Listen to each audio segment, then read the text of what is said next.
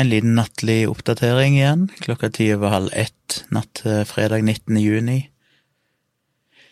I kveld kom eh, denne her artikkelen, kronikken jeg skrev ut på Stavanger Aftenblad, og det var jo gøy. Det føles jo godt å ha en tekst i omløp igjen, det har jo ikke, har jo ikke skrevet så mye i det siste, som dere vet. Så jeg skrev nå denne teksten om eh, der jeg svarte på Ivar Mysterud og Einar Flydal sin tekstkronikk fra søndag eller noe sånt, om 5G og mobilstråling. Og ja, det er bra at jeg kunne legge ut hele teksten, da, slapp å kutte den. Det er jo en, som jeg sa, en kutta halv, halvpartens lang versjon som kommer i papiravisen i morgen. Men eh, på nettet så fikk de med hele teksten med linker og alt. Jeg oppdaga etterpå at når jeg skrev den uh, korte versjonen til, til papiravisen, så gjorde jeg jo noen endringer i teksten og iallfall én endring der var jo egentlig en endring jeg ville hatt med i nettversjonen òg, men det glemte jeg jo. Så på nettet så er det et avsnitt der som jeg egentlig ville ha hatt annerledes. Vi gjenger på den, en, et avsnitt som handler om 5G og EU, der de viser til denne her EU-rapporten, som de kaller det. Hva de kaller det? Utredningsnemnda i EU, eller noe sånt. Vi sluppet en rapport som advarer mot 5G, men som da er som jeg vel nevnte, ikke en, egentlig en rapport, det er jo bare en brifing skrevet av én person som ikke har noe fagkompetanse innenfor det feltet. Og det fikk jeg med i papirutgaven, men det hadde jeg jo helt glemt å endre i nettutgaven. Der hadde jeg bare fokusert på at rapporten inneholdt dårlige studier og sånn, men hadde ikke fått med meg det poenget med at det var bare én forfatter, egentlig, og, som ikke egentlig var skolert innenfor det temaet. Så det sendte jeg mail om i kveld, og spurt om de gadd å rette det på nettversjonen. Det er jo litt seint ofte når mange har lest det allerede, men eh, det blir jo flere som kommer til å lese det framover. Akkurat nå ligger jo saken min helt øverst på forsida av Stavanger Aftenblad, på aftenbladet.no. Så det er jo gøy. Og jeg tror det er viktig. Jeg ser Aftenbladet Hvis du går inn på den kronikken, så under teksten så stender det jo andre sånne saker om 5G. Og herregud, jeg, følger ikke med på Stavanger Aftenblad, men herregud, de har trykt mye rart. Så det jaggu meg på tide at de fikk en skeptisk, eh, vitenskapelig basert tilsvar til alt det der hysteriet. Stavanger Aftenblad har vel en tendens til å kanskje trykke en del rare ting. Litt sånn konspiratoriske ting, så Så det føltes godt å få gitt et tilsvar på det. Og jeg ser jo han Einar Flydal blir det jo vist til hele tida. Altså, så har jeg bare ikke hatt tid og ork til å sette meg inn i det, men når jeg først gjør det, så er det jo deilig å liksom få en tekst jeg har som sagt hatt en liten utveksling med han der de skrev, han og noen andre skrev to leserinnlegg i Dagbladet som jeg svarte på begge. Og husker den gangen jeg følte det var litt godt å faktisk ta for meg det han påstår, og så gå inn og debunke det. Men det var godt å få gjort det igjen, for det er godt å ha sånne tekster å vise til når folk viser til Einar Flydal og sånn, så kan du vise det en sånn tekst som beskriver ganske godt hvor ufattelig dårlig kildebruk de er. Så det er godt å ha gjort jobben. Jeg ba jo ikke om penger for den teksten, for det var jeg som kontakta deg og spurte om jeg sendte den til de uoppfordra. Um, jeg vet ikke, jeg kunne jo sikkert ha spurt om å få betalt. Aner ikke om de pleier å gjøre det, men jeg gjør ofte det, spesielt hvis de kontakter meg, hvis en avis spør meg om å skrive noe, eller ber om å bruke en tekst jeg allerede har skrevet. Som har skjedd en del ganger, at jeg har hatt noe i bloggen, og så har de spurt om de kan få lov å republisere den i avisen sin. Og da har jeg jo spurt liksom, ja, hva honorerer dere, og så blir vi enige om en eller annen sum. Det kunne jeg jo kanskje gjort noe òg, men jeg var såpass ivrig etter bare å få ut teksten at det var ikke så nøye med akkurat om jeg fikk betalt for det eller ikke. Men samtidig så er det jo litt, selvfølgelig, paradoksalt kanskje, da, at de legger han bak betalingsmur.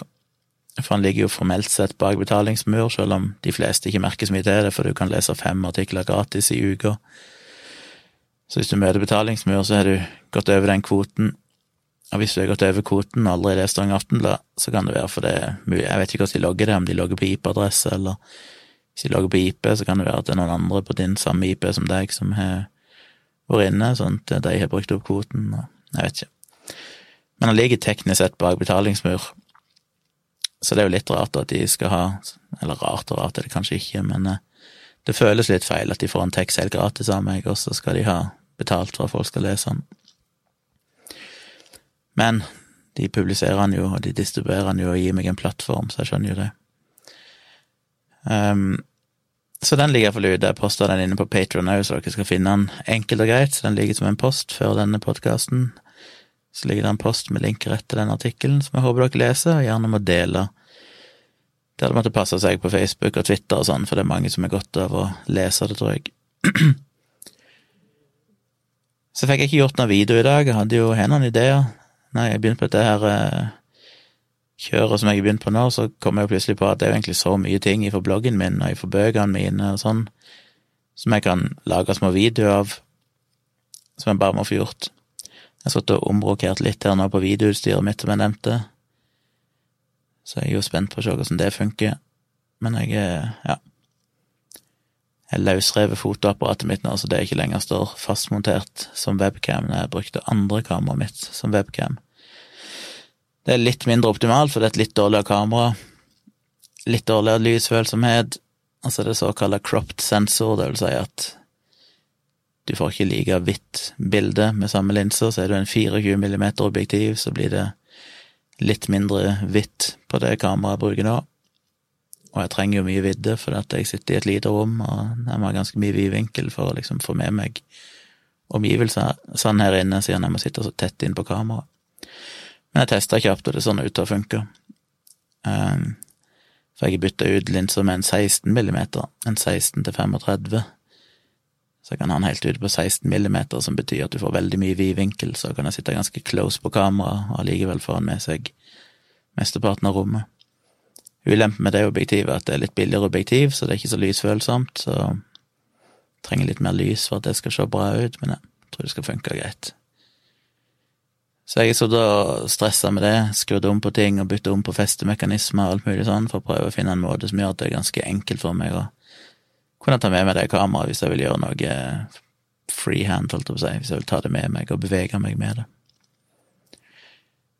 Og på lørdag skal vi i dette selskapet til bestemora Tone, som jeg sa, som har bursdag, og da ville mora Tone at jeg skulle ta et sånn eh, gruppebilde, familiebilde så da må jeg dra med meg kameraet mitt og stativ og sånn, og bruke selvutløser. Det må jeg forresten teste ut, jeg har vel egentlig aldri brukt selvutløser, jeg har ikke hatt behov for det. Eller, jo, jeg har vel så vidt brukt det, så jeg vet jo hvordan det funker, men det må jeg iallfall teste ut. Fordi jeg var litt keen på å ha litt sånn eh, et skikkelig fint, når først familien samles, prøve å få tatt et bilde av alle. Så det skal jeg gjøre. Og så skal vi som sagt kjøre til Tonstad på søndag, så da må jeg òg begynne å pakke Jeg blir alltid så stressa av det, for det er så mye jeg må ha med meg. Jeg må få med meg alle tingene. Jeg Må passe på å ha med minnekort og batteri og de rette laderne og de rette stativene hvis jeg skal det. Rette objektivene, som sagt. Det er mange småting som jeg liksom må ha med. Men jeg er jo veldig glad i å ha system på ting, så jeg har jo et ganske greit oppsett, der jeg har en kameraryggsekk, og oppi den så jeg har en kameraryggsekk, og så har jeg en annen ryggsekk som jeg bruker mer til data, til, som jeg har laptop og iPad i hvis jeg skal ha et eller annet møte eller kurs eller et eller annet sånt. Og så har jeg kjøpt en del sånne små eh, Skal du kalle de pouches? Små sånne mindre vesker, holdt jeg på å si, som jeg kan ha inni der igjen. Som er gjennomsiktige, eller de har et vindu i seg, så jeg kan lett se hva som er inni de uten å åpne de opp, men med bare ett rom, på en måte, og så en glidelås. Så jeg har en sånn en der jeg liksom har det jeg trenger lydutstyr, med lydopptaker og nødvendige kabler og sånne ting. Og så har jeg en med ja, alt av sånn USB-adaptere og ja, alt av adaptere, egentlig, til alt mulig rart. Og så har jeg en pouch som er mer sånn reisepouchen min, der jeg har ja, Paracet og Ibux e og nesespray og våtservietter og liksom de der småtingene som er alltid greit å ha med når du skal reise en eller annen plass. Så det er de liksom helt basic tingene som er nyttige. Og så er jeg en annen der jeg har litt sånn lader til kamera og ekstra minnekort og noen batterier og ND-filter, som er sånn filter du kan sette på objektivet for å sperre ut lys, for å gjøre bildet mørkere og sånn. Poenget mitt er det at det er veldig fint å ha det kategorisert og ha sånne små vesker, istedenfor bare å ha alt liggende og slenge rundt forbi, og så må du huske hver enkelt lille del. For når jeg har de veskene, og hvis jeg tar ut et eller annet for dem, så legger jeg alltid tilbake igjen oppi der, så vet jeg hvis jeg bare har med den og den veska, så vet jeg at jeg på en måte har alt jeg trenger til forskjellige situasjoner. Så jeg liker å pakke sånn at jeg har på en måte en ryggsekk, men inni der igjen, istedenfor at det er bare masse ting som ligger og slenger, så har jeg da mindre væske igjen, der ting er organisert. Så det gjør jo at det ja, mindre sjanse for at jeg skal glemme noe. Altså det er mer ryddig, spesielt hvis du kommer i sikkerhetskontroll og sånn. Folk i sikkerhetskontrollene elsker jo sånne folk som meg. Hvis de ber meg ta ut noe, så bare tar jeg ut liksom de små veskene inni der, og så er alt i orden. Slipper jeg å måtte dra ut masse små ting og hive oppi de her kassene som skal skannes gjennom skanneren. Så det er veldig ryddig og greit, og jeg elsker å ha litt sånn system på ting. Men problemet er at nå er det ganske lenge siden jeg har reist, og da begynner ting å forfalle litt igjen. Det er bedre i de periodene der jeg reiser mye, for da har jeg liksom alt, et system, jeg vet hvor alt er hen, og alt ligger oppi de rette veskene. Men nå som jeg flytta og ikke har reist på en stund, så er jo ting eh, blitt litt mer spredd utover, så jeg må ta en skikkelig runde og passe på at jeg får med meg alt igjen nå når vi skal til Tonstad. Men jeg og Dag har jo snakka litt om det dialogisk tidligere, den der veskefetisjen, ryggsekkfetisjen. Jeg har jo stadig vekk nye ryggsekker, det er alltid en jakt etter å finne den perfekte ryggsekken som dekker alle behov. For eksempel med kamera så kjøpte jeg først en uh, Peak Design, som de heter, som er veldig greie, men allikevel ikke var optimal. Men målet mitt er at jeg må kunne ha med så og så mye kamerautstyr, men òg plass til laptop og iPad, og plass til iallfall én, hvis ikke to, skift, klesskift, si egentlig bare undertøy, altså et par T-skjorter, et par bokser og et par sokkepar og ei lita toalettveske. For hvis jeg kan det, så har jeg på en måte alt jeg trenger for å reise en plass, da vet jeg at jeg får alt oppi ryggsekken. Men det er vanskelig, spesielt med kameraveske. Det er veldig få sånne kameraryggsekker som både har sånn ekstrarom til å ha i andre ting enn kamerautstyr. De fleste er sånn at du fyller de opp. De er liksom beregna på at du skal egentlig fylle hele bare med kamerautstyr. Og så mangler de det der ekstrarommet der du kan ha litt diverse. Så jeg har brukt mange timer inn på fotobutikker, stått og gått fram og tilbake og tatt ned vesker og kikka på de og googla og lagt de tilbake igjen og henta neste veske eller ryggsekk. De må tro jeg er helt gal når jeg står der inne, for jeg står jo så lenge, jeg kan stå i to timer og bare drive og løfte på sekker og åpne de opp og kikke inni og tenke og prøve å visualisere hvordan jeg kan organisere ting inni de. Og det er ikke noe stort problem hvis du kan ha ei stor nok, for det er en del sånne ganske store ryggsekker men poenget er at du òg skal ha de så små at de er tillatt i håndbagasjereglene til eksempel SAS. Og der er det noen grenser som jeg alltid må google med hvor mange centimeter det kan være i høyde og bredde og dybde. Så det å finne en ryggsekk som både Ikke fordi de pleier ikke å være så nøye på det, det skal mye til at de stopper deg, tror jeg, men du vet jo aldri. Det er jo kjipt hvis du plutselig en dag blir stoppa og ikke får med deg ting, så det er best å ha en som er innenfor reglene. Selv om selv om volummessig så holder jeg meg innenfor, men vektmessig så bryter jeg jo alltid reglene. Hadde de noen gang veid den sekken min, så hadde jeg jo aldri sluppet inn, for når du har et kamera og fire objektiver og en laptop og en iPad og litt andre ting i tillegg, toalettsag og sånn, så veier han ganske mange kilo. Jeg husker ikke hvor grensa er, det er sju kilo eller noe sånt du lover med deg. Veska mi veier jo sikkert 15 kilo eller noe sånt hver gang. Så jeg bare har den på ryggen jeg, og prøver å lade så man ikke veier noen ting, så ikke de skal reagere på at han egentlig er stappfull av elektronikk som veier en shitload med kilo. Så det er iallfall en eh, Det er en hobby i seg sjøl, å samle på sekker, leie etter den optimale sekken. Men jeg er ganske fornøyd med den jeg har nå. Den duger inntil videre, inntil jeg plutselig ser at det er kommet noe nytt og bedre som jeg kanskje vurderer å bytte igjen. Nei, jeg har ikke noe stort behov for det akkurat nå. Jeg føler den Funker veldig bra, den sekken jeg har. Men det er nå en greie. Ellers, så som sagt, jeg har lyst til å lage en video i morgen, for jeg håper jeg får tid til det. Jeg har hatt mye tid til jobbing i dag òg, selvfølgelig, siden det er det jeg lever av, tross alt. Men uh, Tone har jo lagt ut en ny video på sin Patrion, som er eksklusiv bare på Patrions, der hun snakker om tabuord, og snakker om kannibalisme i denne videoen filosofere rundt, litt rundt dette her med å spise menneskekjøtt.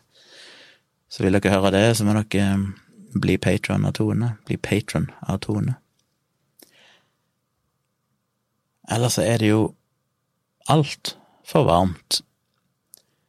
Eh, dette kontoret her merker jeg jeg har et lite problem med, fordi det er jo ikke veldig stort. Jeg har riktignok mye vinduer jeg kan åpne, men det blir ikke noe gjennomtrekk av den grunn. Og normalt sett har det ikke vært noe stort problem, bortsett fra at jeg har veldig mye teknisk utstyr her som varmer opp rommet. Jeg har jo en stor iMac, en del eksterne disker som er såpass robuste at de har egne vifter kjølevifter. Jeg har en ekstra 27 tommers skjerm. Jeg har et par studiemonitorer, miksebord, som sagt kamerautstyr. Og så har jeg tre LED-paneler som jeg bruker tidvis, altså lys. Så det er mye her inne som genererer varme. Så det merker jeg at det er vesentlig varmere her inne på dette lille rommet enn eksempel rett ut forbi stua. Så med en gang jeg går inn her, så blir jeg truffet av en vegg av varme, og hører at vifta på iMac-en spinner ganske godt til tider, for han sliter med å kjøle seg, selv om han ikke jobber noe hardt. Så jeg må også finne en måte å Jeg har jo ei sånn vifte som blåser på meg, som kjøler ned meg, så hvis ikke hadde jeg sittet og svetta hele tida her inne. Men jeg skulle skru den av når jeg og spiller inn ting og sånn, for ellers så lager han litt for mye bråk. Så når jeg skal spille inn en video som jeg skulle være vifta, og da sitter jeg inne og svetter og svetter til jeg er ferdig med videoen og endelig kan skru den på igjen. Men det jeg skulle hatt, var jo egentlig en slags eh, kjøleanlegg. En sånn liten handy en, som jeg bare kunne hatt under pulten her, som bare står og kjøler ned luftet uten å blåse, liksom, nødvendigvis. Altså, han blåser jo litt, da, men som en aktiv kjøling. Jeg må rett og slett se om jeg kan finne det, altså, for eh, det er litt problematisk at datamaskinene her sliter når det blir så varmt. Så sliter jo med den her fuckings eksterne disken min som driver disconnecta hele tida. Hver gang jeg kobler den til, så er han på i ti minutter, og så plutselig så bare disconnecter han fra datamaskinen. Og det er et ganske alvorlig problem, for det betyr at det ligger masse video sånn på den som jeg backer opp til clouden, men han driver disconnecta hele tida, så blir aldri det backa opp som det skal. Pluss at hver gang jeg skal aksessere noe på den disken, så må jeg plugge ut strømmen på den, og så må jeg plugge det igjen, så han får tid til å remounte seg.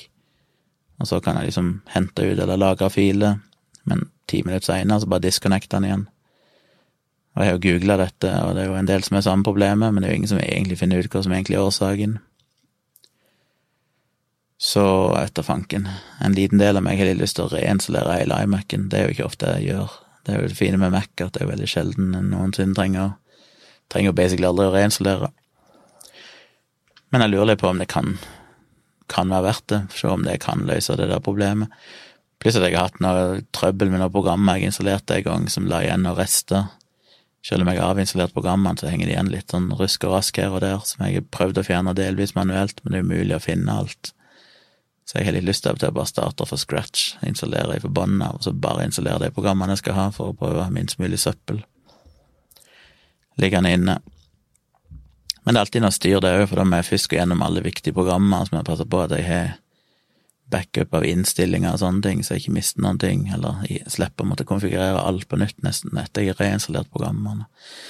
Det er en jobb, men det er jo en sånn jobb jeg elsker, da. Jeg kan jo kose meg så med sånne ting. Sitte og rydde på datamaskiner og reinstallere datamaskiner er jo noe av det gøyeste jeg vet. Problemet er bare at det krever en del timers arbeid, så jeg må ha tid til å, å gjøre det. Og det er jo ikke hyperkritisk, sånn at det, hvis jeg først har noen timer ledig, så har jeg jo egentlig mer lyst til å lage en video eller noe sånt, så derfor utsetter jeg det hele tida. Og nå reiser vi jo snart vekk, så da får jeg ikke gjort det, så jeg rekker vel ikke gjøre det før vi reiser, så da får jeg se hva jeg gjør. Jeg har jo sommerferie snart, så da får jeg jo kanskje unna meg litt tid til det. Ellers har vi grilla mye i det siste. Grilla i går, grilla i dag, og det er bare helt fantastisk godt. De to måltidene jeg spiste i går og i dag, er noen av de beste måltidene jeg har spist på lenge. Og jeg spiser jo ikke mye kjøtt, for det er Tone jo veganer, og de fleste måltidene blir bare sånn grønnsakgreier med steik opp, og som jeg snakka om før. Men nå har jo gått litt bananas på grillfronten, da, og drev og kjøpte inn grillmat. Og det er jo godt, det går ikke an å komme vekk fra det. Så hun eh, lager I går lagde hun kokte hun opp ris, og så lagde hun en sånn aluminiumsfoliefat der hun blanda i ris og en del forskjellige grønnsaker, brokkoli og løk og paprika og ja, forskjellige ting som hun hakka opp og blanda i. Og så heiv vi den på grillen, sånn at det på en måte ble stekt slash kokt på grillen. Og i dag gjorde hun det samme, bare at hun hadde nudler, nudler istedenfor eh, ris. Så da har vi det, og så pluss eh, at jeg spiser kjøtt i tillegg, da fantastisk godt, rett og slett. Og når jeg griller kjøttet sjøl, så kan jeg få det sånn som jeg vil ha det. Jeg vil ha ting igjennom forkulla. Når jeg skal spise kjøtt, så skal det være så gjennomstekt og forkulla at det. Jeg klarer ikke konsistensen av kjøtt som er i antydninger til å være rått. kan ikke forstå mennesker som vil ha biffen sin uh, rare, blodig. Og Det er en av grunnene til at jeg egentlig hater å bestille kjøtt på restauranter, for det at selv om du ber om å få kjøttet godt stekt, så ender du som regel opp med noe som er langt på nær så godt stekt som jeg ville hatt det. Jeg sliter med å få det i meg, for jeg synes det er ekkelt. Så da er det bedre å kjøpe noe helt annet. Men når jeg steker kjøttet sjøl, så kan jeg grille det så lenge jeg vil, sånn at det virkelig, virkelig, virkelig er stekt. og gjerne litt forkulla òg. Jeg liker den smaken av ting som er skikkelig for forkulla. Selv om det vil er noen kreftfremkallende stoffer i det. Det får jeg leve med, det er ikke så ofte jeg spiser det. Så vi har hatt mye god mat med denne grillen, det var en uh, suksess, det må jeg si. Ja, tror ikke jeg har så mye mer å si. Sjekk ut uh, kronikken min, som sagt. Følg med om jeg rekker å få ut en video enten i morgen kveld, eller om jeg redigerer den ferdig på lørdagen før vi skal i dette selskapet. Håper iallfall jeg klarer å få lagt ut en video til før jeg reiser til Tonstad. Og så gleder jeg meg til å ta med kamera og sånn, og se om jeg kan få tatt noen fine bilder på Tonstad. Eventuelt video. Det blir jo spennende. Så da eh, snakkes vi igjen i morgen, regner jeg med, hvis jeg rekker det. Ja, det er fredag. Jo, det rekker jeg vel. Da høres vi igjen, og god natt. Har du et enkeltpersonforetak eller en liten bedrift? Da er du sikkert lei av å høre meg snakke om hvor enkelt det er å sende faktura med fiken. Så vi gir oss her, fordi vi liker enkelt. Fiken superenkelt regnskap. Prøv gratis på fiken.no.